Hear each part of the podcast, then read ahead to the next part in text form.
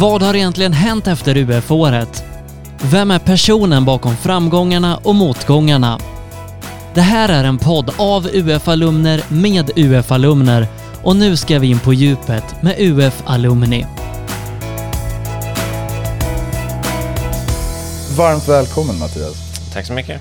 För de som inte känner till dig så väl ehm, så är du en alumn som har varit med i nätverket i hur många år nu? Ja, jag var ju med som UF-företagare först där. Sen så tog det väl en liten stund innan jag vart UF-alumn. Så jag har väl bara varit med ett, två år som alumn, liksom aktiv. Ja, Sen har jag väl bestämt mig sen, nu ska jag vara mycket mer aktiv.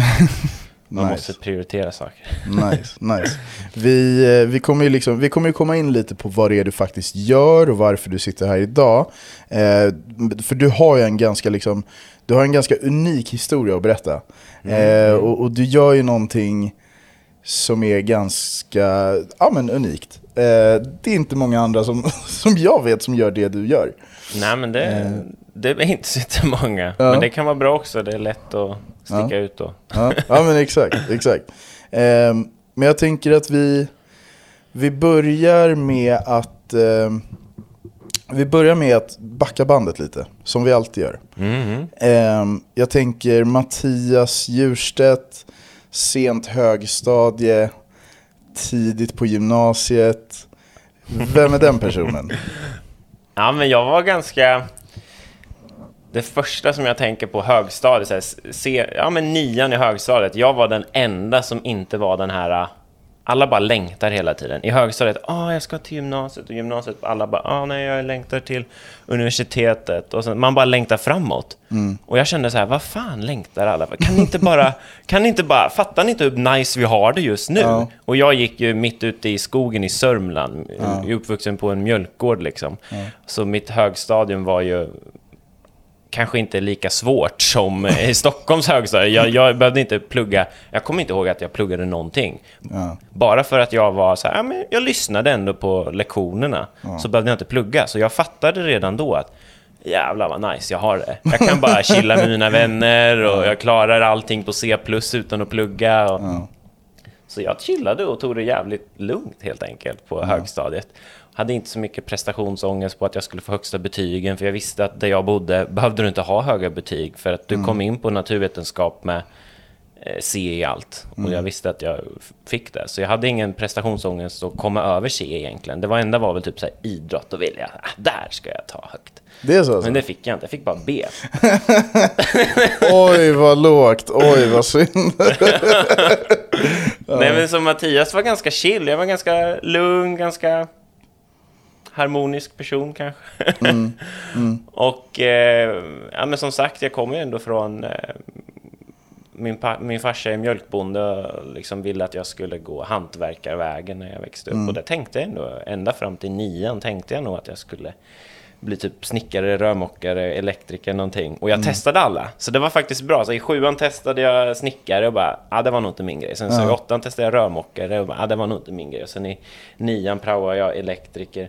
Så jag hann nog testa alla tre och så då i nian så, ja men, då tänkte jag, ja men jag tar naturvetenskap. För att jag visste ing, ing, absolut ingenting vad jag ville göra. Så då tänkte jag, ja men då tar jag den. För då har jag ändå chansen att göra vad jag vill. Ja. Och jag hade Men- inte hittat än. I nian så hade, visste jag inte om att jag var bra på naturvetenskap. Jag, det enda jag visste var att jag var väldigt bra på matte. Eh, men sen på gymnasiet, då var det första gången som jag verkligen gick in i natur. Och då förstod jag att okej, jag är bra på det också. Så det var en ganska bra omedvetet val. Coolt, coolt. Men om, om man får liksom eh, en, liten, en liten reflektion. Mm. Ehm, du gör ju allt det din pappa ville att du skulle göra. ja, det är det som är så kul. För Alltså, jag har ju varit och hälsat på hos dig. Och Du, du har ju snickrat, du har ju dragit rör och, och vattenledningar. och jag har till och med fått hjälpa dig att leka elektriker. Alltså, så här, så, så att, du, du gör ju redan allt som din pappa ville att du skulle göra. Ja, alltså det är det som är så kul. Att jag sa ju det första är ju att jag håller ju på inom, man kan ju avslöja att jag håller på inom matbranschen. Ja. Jag är ju nästan som en fiskbonde skulle man kunna säga Ja, i dagsläget.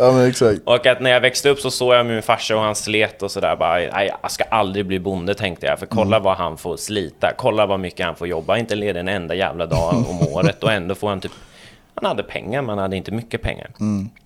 Men sen så vart jag ändå... Ja, men matintresset fanns väl där någonstans. Så då vart jag och blev fiskbonde ändå.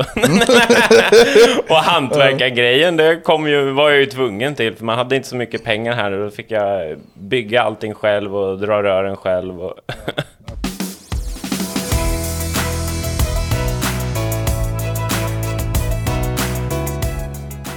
Det är jäkligt intressant det där för att jag var ju och hälsade på dig i, i somras. Ehm, och nu ska vi försöka liksom måla upp en bild av, av hur det ser ut. Och- Eller hur det såg ut, jag vet inte, du kanske har, har hunnit göra om lite nu. Men, men ehm, du bor alltså ute på landet, utanför Flen, yes, nej, I Eskilstuna. Ja. Eskilstuna. Ehm, alltså det, Jag har en granne. ja, du, alltså det, skogen och jag. För mig som är liksom, ja men verkligen, alltså för mig som är liksom uppväxt i Stockholm. Jag har ju liksom pendeltåg och tunnelbana överallt. Alltså, du har en granne. Eh, för mig var det liksom, det är ju jättefint, alltså det är idylliskt där du är. Eh, det är liksom ängar och skog och liksom jättemycket natur. Eh, och mitt i den här liksom jättefina naturen så, så har du en stor röd lada. Eh, där du har skapat ett tropiskt klimat. Yes. Det är, liksom, det är som att du går in i Alltså det är som att du går in i en regnskog i princip. Det är fuktigt, det är varmt, det är svettigt, det är sjukt häftigt. Ehm, du har byggt en egen liten sandstrand. Eh, du odlar lite växter. Och när man går in i liksom ett av de här rummen då, så är det massa fiskar. Yes. Och, och jag tänker att du får ta det därifrån. Vad är det för något? Vad, vad är de här fiskarna för något?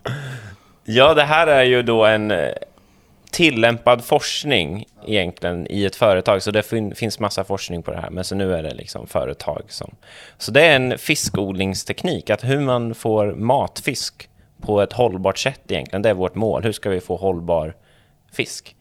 Och ehm, för att göra det eh, Eh, så behöver vi härma ett tropiskt klimat, för vi behöver ha en tropisk fiskart som man kan komma in till mer varför och sånt där. Och vi har en specifik reningsteknik där man odlar mikroalger och bakterier och små kräftdjur och grejer. Och de här är liksom en, en det är biolo biologiskt sätt att rena vatten som ingen annan använder. De använder liksom tekniska filter och sådär, så som vi renar vårt egna avloppsvatten. Och där, därför behöver vi också tropiskt klimat, för de här bakterierna vill ha 31 grader i vattnet. Liksom. Så det, är- ja, det är svettigt. och sen så är det ju som en, det är ju landbaserad, eh, ett landbaserat vattensystem, så det är ju rör och dra, och det är därför jag har varit rörmokare och, och bygga hela systemet. Det är 31 grader i rummet, du måste ju bygga ett rum och isolera det och sådär. Eh, Så ja, jag lärde mig att bli snickare och sådär också. Inte kanske det bästa, men det duger. Ja, nej, det, är- det är verkligen sjukt häftigt alltså. Verkligen.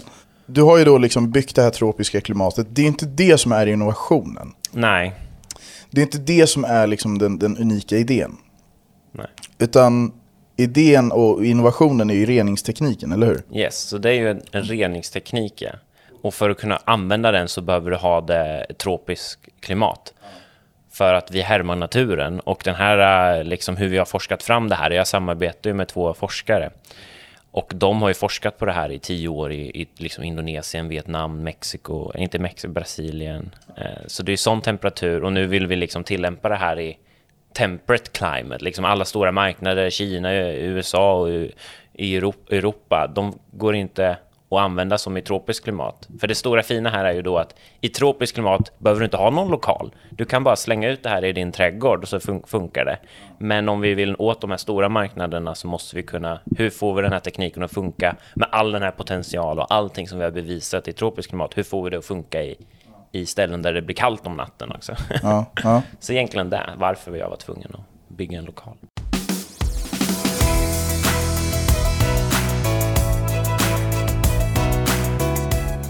Om vi återigen liksom backar bandet lite. Vi har varit inne lite på vem du var på högstadiet. Jag antar att utifrån det du har berättat så hade man nog inte kunnat gissa att du skulle odla fisk när du Nej. gick på högstadiet. Kanske sista året på gymnasiet, för det var då jag kom på idén. Eh, eller eh, fick intresset egentligen. På gymnasiet så var jag mest en här, men eh, nyfiken, eh, positiv kille. Folk tyckte jag hade mycket energi. Det var väl någon som hade sagt till mig att ja, men min kompis Navid heter han. Om han lyssnar på sånt här, det vet jag inte. Han pluggar läkare i Riga. Han sa, han var nog en av de första som, jag- som trodde på mig. Han bara, fan du Mette, du kommer göra stordåd. Han trodde det av någon anledning när vi började. Eller i början var det så här, när jag började gymnasiet, då kommer jag ju liksom från en eh, landsbygdsskola och sådär. Sen kommer man till en lite större, Vimmerby, vet du, jättestor stad. och då kom jag där, känner inte en enda. Och första dagarna i skolan, då kommer jag ihåg att Navid trodde, vad är det här för dum bondpojkling? har han sagt till mig. Men sen senare så såg han väl att jag hade väl någon, någonting innanför pannbenet och, eh, och sen senare till och med har han sagt, sa han då att han, han trodde att jag skulle göra någonting stort med livet. Och eh, det var kul att höra. Det var första gången någon liksom riktigt, jag vet inte, utan mamma och sådär. Ja, ja. ja, men för jag, jag är ju bekant med din brorsa också. Mm, Och, var, och innan jag träffade dig så, så sa han det att, att fine, jag är hyfsat smart och jag är liksom så här, jag kan min, min fair share av det jag gör. Men Mattias, genius. Alltså så här, Mattias är på en helt annan nivå. Jag blir alltid lite skeptisk när folk liksom, eh, ja, men, står och liksom snackar, snackar så pass högt om en viss person. Jag vill alltid liksom se bevis på det. Och jag, jag har sett bevis på det, det kan jag säga. Och, och, och det du gör är sjukt häftigt och det, det, är liksom, det är otroligt inspirerande faktiskt. Men det är intressant det du säger, för jag växte ju upp med liksom min bror som liksom tog Europa, Europarekord på flest företag innan 18. Och, alltså han, drivit, han, såg ju, han var ju min idol på företag, så jag såg ju inte mig själv som entreprenör. Och där kan jag liksom, jag såg, ja det där är en entreprenör liksom. Och han är liksom det fingerspetsarna, började sälja saker när han var fem liksom. Medan jag var väl mer, jag, jag, nu ser jag mig som en själv som en entreprenör liksom, men jag, jag är ju mer den andra. Jag tog ju en ny universitetsexamen först och allt sånt där liksom. Eh, och lärt mig mycket. Eh, så vi är ju två olika entreprenörer, men vi funkar bra tillsammans nu. Vi samarbetar ju och diskuterar allt liksom.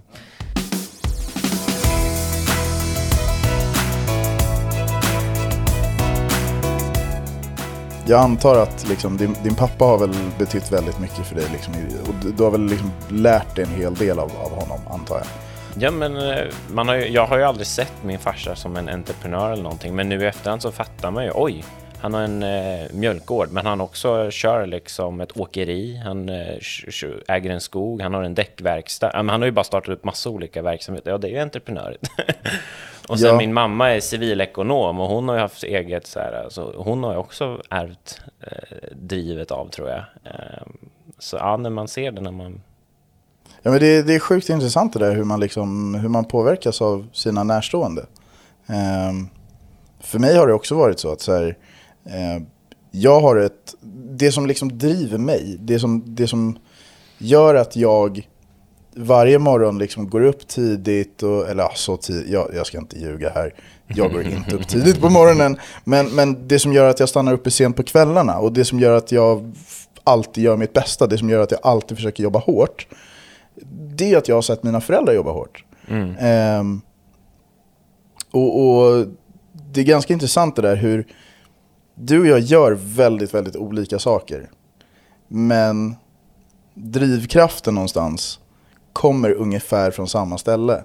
Nej, men det är ju otroligt. Mina föräldrar jobbade ju hårt, det måste jag ju säga. Och där, där får man hålla i check också. För min, eh, min mamma har ju gått... eh, Utbrändhet har ju jag sett i min familj. Ja, ja. Så jag har ju dels fått eh, liksom att oj, jag känner, jag arbetar hårt, men jag har ju också sett vad som händer om man arbetar för hårt. Så jag har ju båda...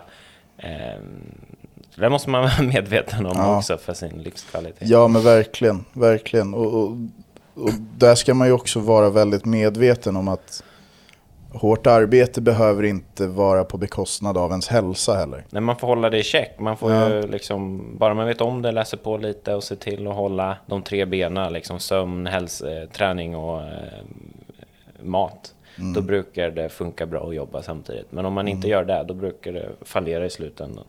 Kanske. Har du någonsin varit i en situation där du liksom...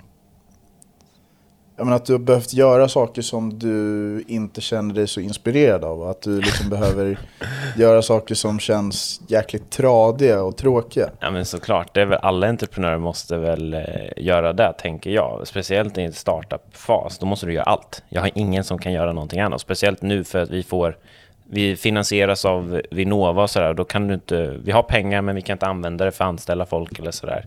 Så jag måste göra allt. Och jag gör ju väldigt mycket saker som jag inte tycker är stimulerande eller roligt. Det är ju bara att jag har utvecklat ett väldigt eh, just do it mentality. sen finns det vissa saker som är otroligt. Det är så här, vissa saker måste jag göra, men sen vissa saker i mitt arbete är ju hur otroligt som helst. Ja. Och det väger upp det så mycket. Och det är därför jag fortsätter göra det. Det är det som liksom får dig att, ja, men att vilja liksom fortsätta. Bra rutiner får mig att göra de tråkiga sakerna. Om jag inte har bra rutiner, då får jag inte... Ah, det orkar jag inte. Men om jag har lyckats fått in en bra rutin, Ja. då blir det inte lika struggle när man eh, eh, ja, ska göra de här tråkiga grejerna. Då bara gör man dem. Men, så det har jag märkt. Rutiner.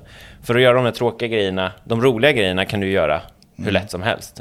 Om, du bara- men om du ska göra tråkiga grejer, då är rutin väldigt viktigt. För annars så hittar man bara på eh, ja, men varför man inte ska göra det.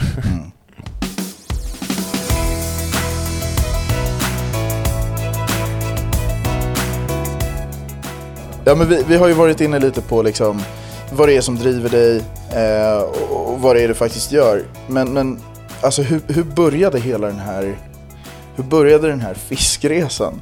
Ja, det kanske låter lite typiskt, men faktiskt så började det en natt när jag inte kunde sova i gymnasiet, eh, andra eller tredje året. Och av någon anledning så låg jag och tänkte, man har väl sett alla de här eh, videorna om att eh, torsken håller på att fiskas ut och sådär.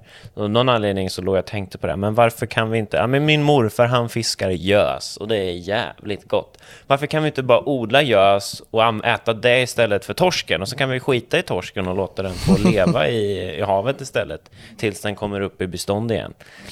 Eh, Så det var ju första gången jag sa, oj, kan man odla fisk? Och då började jag googla liksom och började, men jag varit in, intresserad. Och så, ah, okej, det här fanns. Sen tänkte jag ut själv, "Ah, men landbaserad fiskodling. Och sen så renar jag vattnet och sen så återanvänder man vattnet. Och sen googlade jag, jaha, det fanns redan.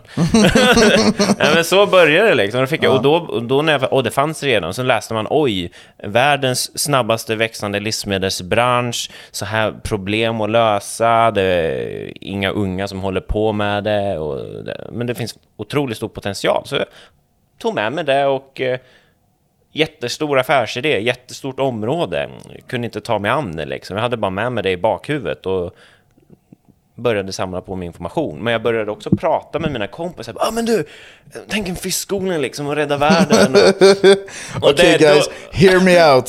Ja, det, jag vet inte om det är så här, men jag ska fråga mina kompisar. Men vad jag kände i alla fall när jag berättade om det här så var ju de liksom bara, ja ah, Mattias, mm, att de skrattade åt mig i bakgrunden. Det kändes som så.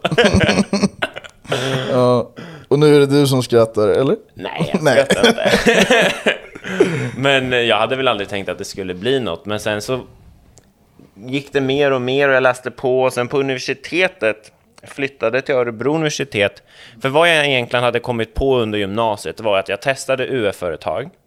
Och jag gjorde en eh, jämförelsesida för välgörenhet. Alla välgörenhetsorganisationer i Sverige. Så jämförde vi vem ger mest procent av ett bidrag till det välgörande ändamålet.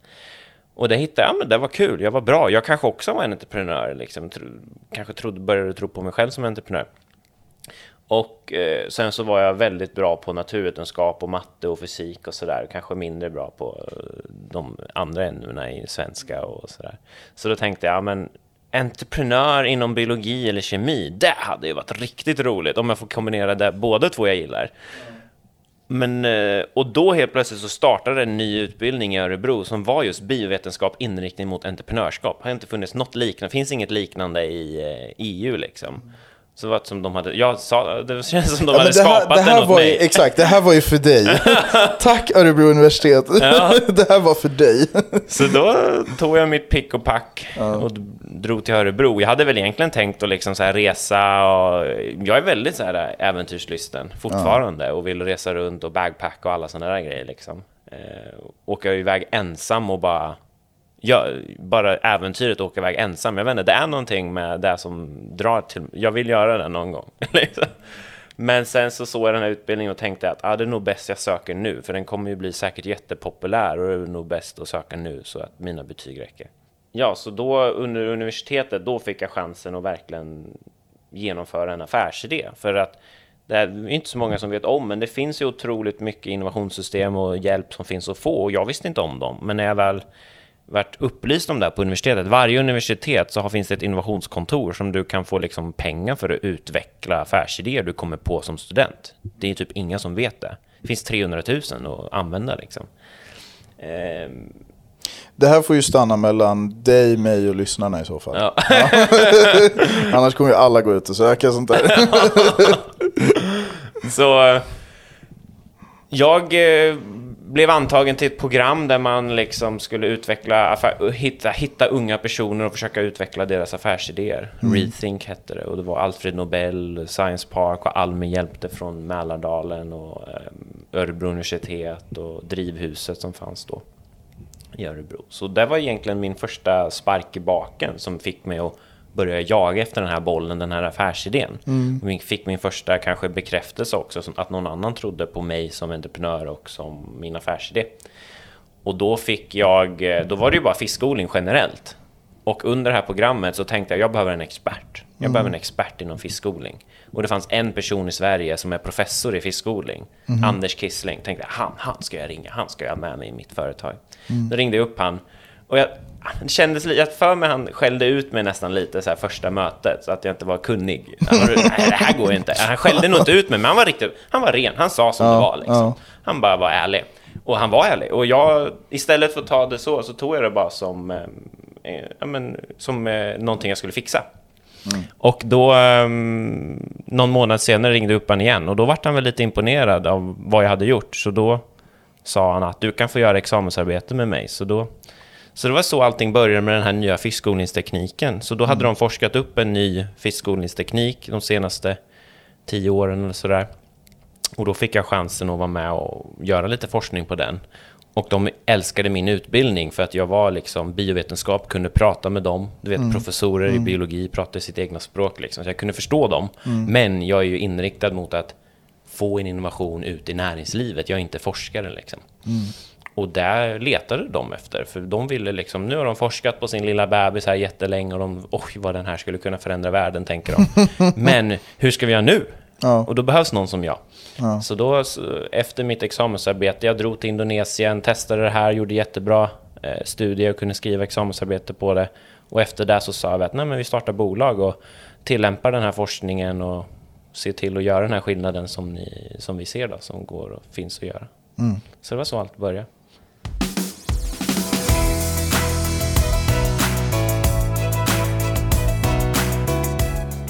Ja, det låter ju så jäkla klyschigt att säga våga ta chanserna. Men att så här, ofta så finns det ju också folk som inte ens ser chanserna. Ehm, det är ju någonting som man får lära sig. Alltså det, det, det finns möjligheter överallt. Nej, det var Alltså, ju det jag såg. Det här är överallt. min once in a time life-chans kanske. Liksom. Ja. Och då måste man bara ta den. Sen, kanske inte once in a time, men det kommer nya sen. Ja. Men att man måste först kunna se dem, ja. Men sen är det bara bold att ta dem. Men också att se sig själv som, eh, man brukar prata om fixed och growth mindset. Du måste se dig själv som growth mindset. För i entreprenör eller om du vill, om du vill nätverka, det, mycket är personlighet. Investerare investerar i personlighet. Verkligen. Anders Kissling investerade i min personlighet. Han hade inte blivit intresserad av mig om man inte såg att den här personen, han skulle kunna ta min forskning som jag har lagt ner så här mycket tid och pengar på. Så att se sig själv som att, jag ser mig själv som att jag, jag ska bli bästa möjliga Mattias. Och varje timme jag lägger på mig själv och reflektera och utveckla mig själv det är värt i pengar till och med, kan man ju tänka. För att det kommer göra så att jag kan attrahera mer investerare, det kan göra så att jag attraherar bättre samarbetspartners.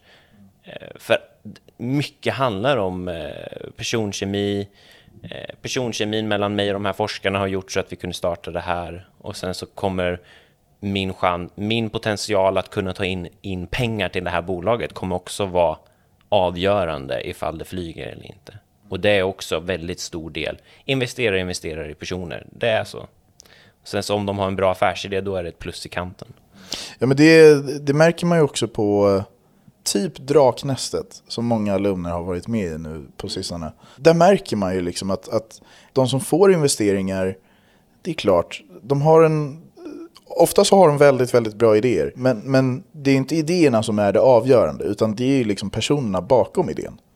Och det, det, det, tycker jag är väldigt, väldigt häftigt ändå. Att, att det handlar inte alltid om att det ska vara den mest liksom, eh, meriterade personen som alltid ska klättra högst. Utan det handlar om att vilja lära sig och det handlar om att liksom vilja utvecklas. Och det tror jag jag har kommit långt på, att jag tror att jag kan universitetet och skolan, eller universitetet gav mig den så här, oj, jag kunde ta den här utbildningen. Då kan jag nog, om jag bara har tid och vilja, så kan jag nog lära mig det mesta. Det gav universitetet mig som lärdom. Och därför när jag startade det här bolaget, och de, det finns ju otroligt mycket att lära när du bara är ensam och ska kunna allt inom företag. Då måste du ha den mentaliteten. Jag kan bli en ekonom, jag kan bli en eh, säljare, jag kan bli en eh, marknadsförare. Jag sköter ju alla de där grejerna. Och, det var, och bara man har mindsetet, och det kommer ta en tid, men man måste kunna ha mindsetet att du kan lära dig det där. Jag hade mindsetet, jag kunde inte snickra innan, jag kunde inte rörmokeri, så jag hade mindsetet att jag till och med skulle klara av det. Ta mig an och bygga en, en, en fiskodling. Jag bara, what the fuck har jag tagit mig in på? Men, ja, nej, men där kan jag nog, om jag kan göra det där kan jag nog göra det där. Så att ju mer saker du lyckas, desto mer bygger du på ditt självförtroende, att vad du, vad du tror att du klarar av att göra. Ehm, och utbildningen gav mig en sån kick att oj, jag, men jag lyckades ändå ta den här utbildningen. Och då vart det nog, om jag hade startat bolaget direkt efter gymnasiet hade jag nog haft samma självsäkerhet. För mig har det nästan varit lite tvärtom. Mm. Jag skulle nog säga att universitetstiden för mig var nästan lite av ett hinder. Jag är alltid villig att, att lära mig och jag gör alltid mitt bästa. Liksom. När man satte sig där i, i föreläsningssalen och det kom in en liksom professor som har haft exakt samma föreläsning i 300 år. Och liksom man ser att PowerPoint-presentationen är dammig. Mm. Alltså, det är liksom digitalt damm på, på PowerPoint-presentationen. Ja. Eh, så kändes det så himla liksom oinspirerat för mig. Jag tycker ju att, jag tycker att ekonomi och entreprenörskap är, liksom, det, är det jag brinner för. Jag, jag tycker det är skitintressant. Men när jag behövde liksom sitta där i en föreläsningssal och bara lyssna på liksom samma oinspirerade professor dag ut och dag in. Det gjorde att jag liksom, jag svalnade av nästan. Jag ville inte, jag ville liksom inte gå vidare. Sen tog jag mig igenom utbildningen, det var ju liksom mindset att så här, det spelar ingen roll vad jag känner. Nej, man, vad man lär sig där är att göra ja. tråkiga saker fast ja. du inte vill. Ja, det lär exakt. man ju sig på en exakt, utbildning. Exakt. Och det är ju otroligt, det måste du kunna göra sen. Däremot så har jag nu liksom hamnat på en plats där jag ser fram emot att gå till jobbet varje dag. Eh, jag ser fram emot, jag ser fram emot att liksom lära mig. Och jag tycker, det är kul att, jag tycker det är kul att plugga, så länge jag får välja själv vad jag vill plugga. Nej, men man ska, aldrig, man ska inte se som att man... Det är också någon, jag, jag, jag kommer inte ihåg vilka jag citerar, men det är också någon som säger man ska aldrig sluta bli en student. Alltså du ska ju lära dig hela livet ut. Liksom. Jag Verkligen. håller ju nu och lär mig att liksom, tänka som nästan är sån att man, jag skriver ju ner och antecknar och liksom, jag lär mig asmycket. Jag lär mig mycket mer nu än vad jag lärde mig per vecka i universitetet för att det är så mycket som händer.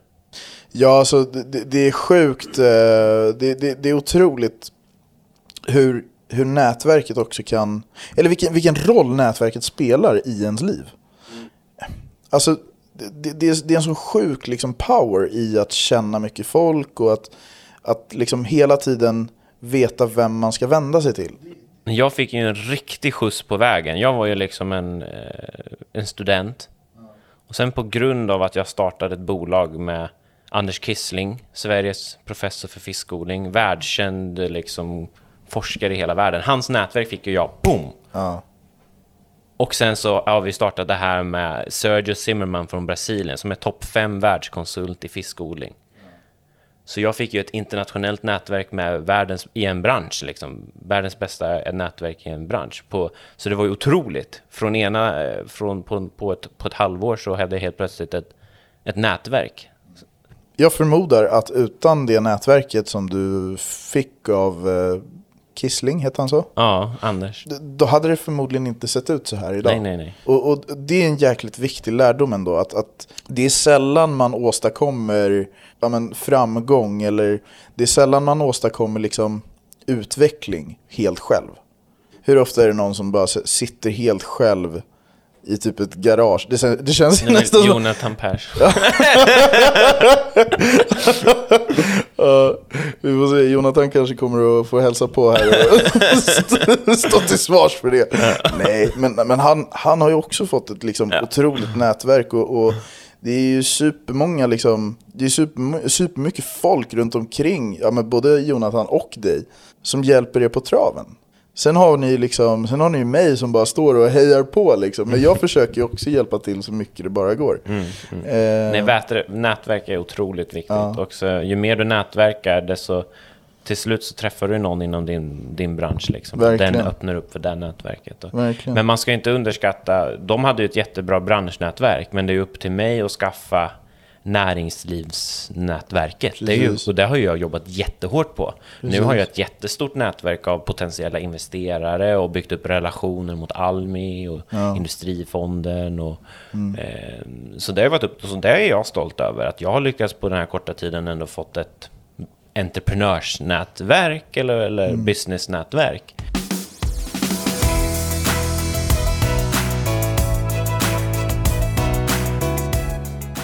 Men vi har ju varit inne på liksom lite, lite nyckelpersoner. Vi har varit inne på liksom farsan, morsan, brorsan, alla kön. Eh, Vem skulle du säga inspirerar dig mest? Eh, bortsett från, du vet, föräldrar och familj, för det, det är det enkla svaret alltså. Men, men vem skulle du säga inspirerar dig? Det här är svårt. Jättesvårt. Vem inspirerar mig mest? Eller vad inspirerar dig? Vad kanske- inspirerar? För jag har, inte, jag har inte så många idoler just nu. Jag, jo, lite Ingvar Kamprad kanske ett tag där. eh, läste jag hans bok och den passar bra inför att han ska bygga infrastruktur och spendera över världen. Vi ska också bygga infrastruktur och försöka nå över världen. Så det var lite liknande affärsmodeller och jag tyckte det var inte, han är smålänning, jag är smålänning och han, han skriver om den småländska jordarten och att det blir bra entreprenörer av den. det tycker jag var roligt. Så han är väl lite, sen så tycker jag det är intressant att lyssna på stora entreprenörer som Elon Musk och sådär. Men jag skulle inte säga att jag har dem som förebild. Jag hade ju affärsidéer och sådär, men jag tog mig aldrig an att förverkliga dem. Jag behövde ha någonting. Jag tror det är potentialen, impacten är ganska viktig för mig. Att jag ser att oj, här är någonting. Om jag lägger ner tid på det här så skulle det faktiskt kunna göra skillnad på riktigt. Jag skulle kunna hjälpa utvecklingsländer att få en, en hållbar eh, matproduktion. Man skulle kunna hjälpa till och se till så haven, vildfångad fisk från haven, fiskas på ett naturligt sätt och man ger en ersättning eller ett alternativ att äta odlad fisk istället. Och sådana eh, stora potentialerna ger mig drivkraften att fortsätta affärsidén i långa loppet. Men sen vad som får mig att gå upp varje morgon och det som liksom tar mig genom vardagen det är nog att jag älskar personlig utveckling. Och det här har liksom tvingat mig när jag tar mig an så mycket ansvar, det tvingar mig till en otrolig personlig utveckling. Jag tittar ju tillbaka på mig själv och bara, jag känner inte igen mig. Alltså, ibland så här, tre månader innan, jag bara, alltså, jag känner mig som en, så förändrade vi ibland. Det är så mycket som händer. Och man, så jag älskar personlighetsutveckling och det här får mig liksom att utveckla mig mycket. Och det som också driver mig är den här möjligheten man får, alla, alla olika möjligheter. På grund av att jag gör det här, på grund av att det är ganska unikt det jag gör, så blir det så många olika saker som jag aldrig skulle fått uppleva annars. Det ger mig den här, man har ett liv liksom och sen så bara, men om jag gör det här, eh, då kommer jag kanske få uppleva eh, roliga, spännande saker och sitta... Eh, så, ja, men så ser det som en bra 23-åring, eh, första grej, att göra för att öppna upp mina... För att öppna upp min första grej liksom. Jag vet inte. det blir konstigt.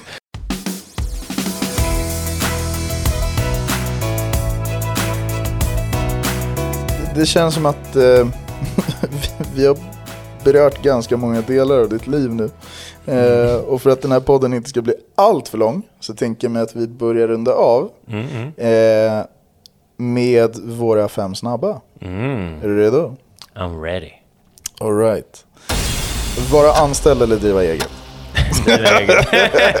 Jag måste ställa frågan, jag har inget val. Driva eget. Kärlek eller pengar? Kärlek. All right. Mycket fritid eller mycket arbete? I slutändan vill jag ha mycket fritid. Ja.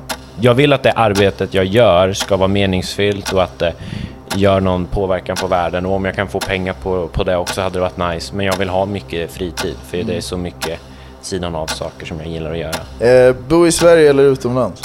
Ehm, I slutändan Sverige, men jag vill bo utomlands. Eh, Alright, sista, sista frågan. Ledarroll eller inte? Just nu, eh, jag tror jag, jag tror jag är en bra ledare vad jag har sett hittills. Men ju mer fritid man vill ha, desto mer ledarroll måste man ge bort till andra. Sveriges nästa Ingvar Kamprad eller Elon Musk eller... Inga Kam- Ingvar Kamprad, Ja, det hade varit ja, kul att få ja. bli kallad. Alright Mattias. Ehm, det var allt för den här gången. Ja, tack, så jättemycket för att Ja, jag fick komma hit. Tack Fantastiskt. själv, tack själv.